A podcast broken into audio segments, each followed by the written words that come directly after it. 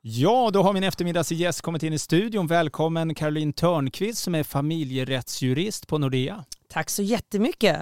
Det här ska bli spännande måste jag säga. Eh, jag vill bara egentligen direkt börja så här. Varför är det så viktigt för oss alla med en familjerättsjurist? Ja, men det som är viktigt är ju att vår lagstiftning på det här området den är ålderdomlig. Den är egentligen gjord för pappa, mamma, två gemensamma barn, det vill säga kärnfamiljen. Men så lever inte vi idag. Vi lever i samboförhållanden, vi kanske är inne i både andra eller tredje svängen på äktenskap. Vi lever i regnbågsfamiljer, det är stjärnfamiljer. Alltså det finns så många olika familjekonstellationer där vår lagstiftning inte har hängt med. Och om det då är som så att det händer något och det vet vi att det gör. Vi kan bli sjuka, vi kan eh, skilja oss och vi kan med all säkerhet kommer vi att dö. Och då är det ju bra att veta vad är det som händer när någonting händer. Helt enkelt att tänka efter före. Mm. Och där tror jag att vi familjerättsjurister fyller en otroligt viktig funktion. Ja men verkligen, nu när du liksom lägger upp det på det viset så är det, vad, vad är det för lagstiftning egentligen som man eh, ska ändra, alltså vad, vad, vad, är det som ska ändras egentligen? Nej, men eh, jag skulle vilja säga det finns ju många olika lagar på vårt område. Vi har till exempel sambolagen den kom till i slutet på 80-talet och det var för att skydda den ekonomiskt svagare parten. Det låter väldigt juridiskt men det var om två personer lever tillsammans och har en fastighet eller en bostad gemensamt, ja då skulle den hälften delas. Nu är det ju inte alltid som så att den ska hälften delas. Jag skulle vilja säga att sambolagen har vaggat in väldigt många i en falsk trygghet. Många tror, och det är ganska upprörande tycker jag, att om man har varit sambo i sex månader, ja då har man automatiskt rätt till en bostad. Och då talar vi permanent bostad, vi pratar mm. inte fritidsbostad. Och jag kan säga, det är inte alls säkert att det är så. För det beror på. Om den till exempel bostaden har köpts för att vi ska bo där ihop, eller om jag hade bostaden och någon flyttade in till mig och blev sambo, ja då har inte den personen rätt till det. Och, och just därför så tycker jag att sambolagen för väldigt många av oss lever i samboförhållanden. Det är faktiskt fortfarande en av de vanligaste samlevnadsformerna vi har i Sverige. Men jag skulle vilja säga till alla er som lyssnar och som är sambor, ni är fruktansvärt oskyddade om ni inte har sett över er familjejuridiska situation och skrivit vad händer om eller när någonting händer. Men kan man göra det själv? Eller det är där du kommer in. Man måste gå till eh, eh exempelvis en familjerättsjurist. Alltså nu pratar ju du med en jurist så ja. det är klart att jag måste ju någonstans ja, jag, jag tänkte. Du vet sådär man sitter och planerar semestern om man själv kan. Ja. Jag tycker ju att det här är så viktigt så att jag tycker ju att man bör gå till någon som har kunskapen. Självklart om du själv är jurist och kanske har kunskapen eller så, då kan du göra det. Men det här är lite grann, tycker jag, familjejuridiken är lite grann, vi låter bli den för det kan kosta pengar att gå till sådana som mig.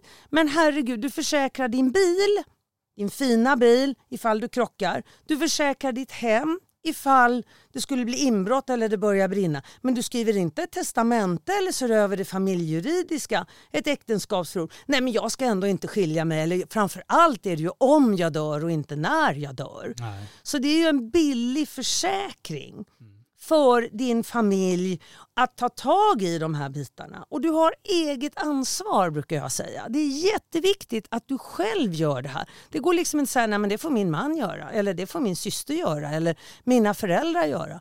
Det är bara du själv som kan ta eget ansvar för din egen familj. Det är, som jag brukar säga, en akt av kärlek mot dina nära och kära. Ja, men jag, alltså jag, jag är helt med dig där. Men är det just ordet kanske som är helt eh, galet? Ska vi döpa om den till kärleksförsäkringen? Tror du fler skulle då Underbart dit? ord har jag inte ens tänkt på själv. Det snor jag av dig Robert. Varsågod. ja, tack för den. Eh. Nej, men alltså jag tror att vi har en, en eh, kulturell inställning att inte prata om sånt här. Ah, det är på den nivån. Jag tror att mm. det är så. Men det är min egen ovetenskapliga eh, liksom genomförande av det här. Men ja. jag tror det är väldigt fult att prata pengar i Sverige fortfarande. Det är som jag säger, det är om jag dör, inte när jag dör. Det är väldigt känsligt. Däremot är vi väldigt duktiga på att prata sjukdom.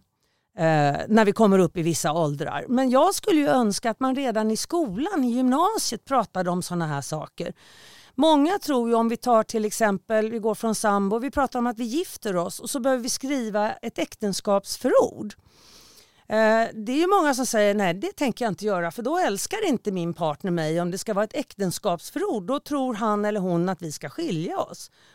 Tvärtom, det kanske är precis det ni inte ska göra för att ni har reglerat vad som ska gälla om något händer. Kanske är det som så att ena parten är delägare i ett aktiebolag eller ett, eh, vad heter det, ett eh, entreprenör och de är flera delägare. Måste skriva ett äktenskapsförord enligt ett annat avtal, det vill säga ett kompanjon eller aktieägaravtal, ja men då kanske äktenskapsförordet ska innebära att den part som inte är delägare i, bostad, eller i aktiebolaget, den ska ha någon annan egendom som sin.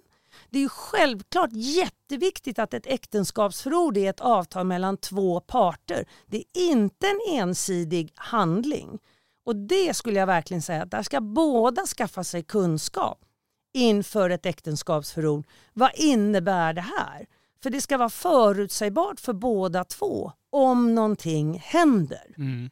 Men jag vet att det är känsligt. Men om man kommer till dig då Caroline eh, eh, och behöver hjälp, vad, är, gör du en sån här 50-50 delning eller hur, hur, hur sätter du dig in i själva liksom, eh, denna delning. Eh, det är egentligen bara ord va? Eller? Ja, alltså 50-50 delningen, jag tror att du syftar på det som i grunden är när du gifter dig så får man ju ja. rätt till hälften var av makarnas egendom, det vi kallar för giftorätt. Jag utgår ifrån den. Men det kan ju vara som så att den ena maken, blivande maken, har enskild egendom för att han eller hon har ärvt, fått i gåva men den andra har ingenting. Det betyder att då ska den andra makens egendom delas med 50-50, vilket inte är den ena. Så jag utgår ifrån vad säger lagen, hur ser er specifika situation ut och så går jag igenom vad kan vi göra och vad känns tryggt och bra för er. Mm. Men sen måste man komma ihåg att alla sådana här dokument, det är färskvaror. Det är ungefär som gurkor och tomater, de ruttnar efter ett tag. Så man måste ta fram de här dokumenten och se över dem. Om du har sålt ditt bolag där du är delägare och fått en massa pengar, ja ska de fortsatt vara enskild egendom eller ska vi dela dem? Då kanske vi ska skriva ett nytt äktenskapsförord eller så ska vi upphäva äktenskapsförordet. Det kanske är som så att vi behöver skriva ett testamente som mer rimmar med att när vi inte är delägare i ett bolag respektive när vi är det. Så var gång det sker en förändring i familjesituationen. Det kan vara att man gifter sig, att man skiljer sig, man blir sambo, man ärver. Ja, det kan vara massor med olika mm. anledningar. Då bör man ta fram och se över den här typen av handlingar. För det är som jag säger, det är färskvaror. Eh, skulle du säga att, eh, vad är vanligast, eh, äktenskapsförord eller inte? Jag skulle säga så här att det är fortfarande ganska ovanligt med äktenskapsförord. Men om jag inte minns helt fel så har det skett en ökning av de senare åren. Att av de som gifter sig så är man mer benägen att skriva äktenskapsförord nu och det är bara de sista fyra, fem, sex åren som jag läste om det här. Det kan ju bero på att du kanske är inne på andra svängen. Eh, många gånger när man gifter sig första gången då kanske man står på ungefär samma ekonomisk nivå eh, och då kanske man inte behöver skriva ett äktenskapsförord. Men om man har varit gift och kanske har skilt sig, har barn var för sig, ta mig själv som exempel. Så för mig var det väldigt viktigt när jag gifte om mig, eftersom jag har egna barn, min man har barn, att liksom jag är tydlig med vad som är mitt, han är tydlig med vad som är hans. Så blir det liksom inget tjafs däremellan. Sen tycker jag att man ska vara otroligt generös som makar och det kan man vara ändå. Men att man liksom, i vårt fall passade det. Jag säger inte att just den typen av äktenskapsförord passar alla, men jag tycker att man ska tänka till lite grann. Sen ska man självklart se över det här. Det är en sak om man gifter om sig eller när man gifter sig så är det så första fem åren. Men tio år senare då kanske det har skett en jätteförändring. Ja men då återigen, det är mina färskvaror. Då får man se över och skriva om. Mm. Att man ändå för en dialog om den här typen av frågor. Eh, om vi återgår lite grann till den här sambolagen som mm. du tycker är eh, från stenåldern. Eh, och vad, vad ska sambos göra idag? eller imorgon då, men, eller när de kommer tillbaka från semestern. Vad Ja. är det viktigaste? Ja, men först och främst så måste man sätta sig in i, har vi köpt den här bostaden som vi bor i för gemensamt bruk? Ja, då är bostaden samboegendom. Äger vi den lika mycket, ja då finns det ju ingen anledning att bry sig om sambolag för då delas det hälften var. Men om någon av samborna skulle avlida så har inte sambor någon arvsrätt. Nej, för det är barnen då. Då ärver barnen.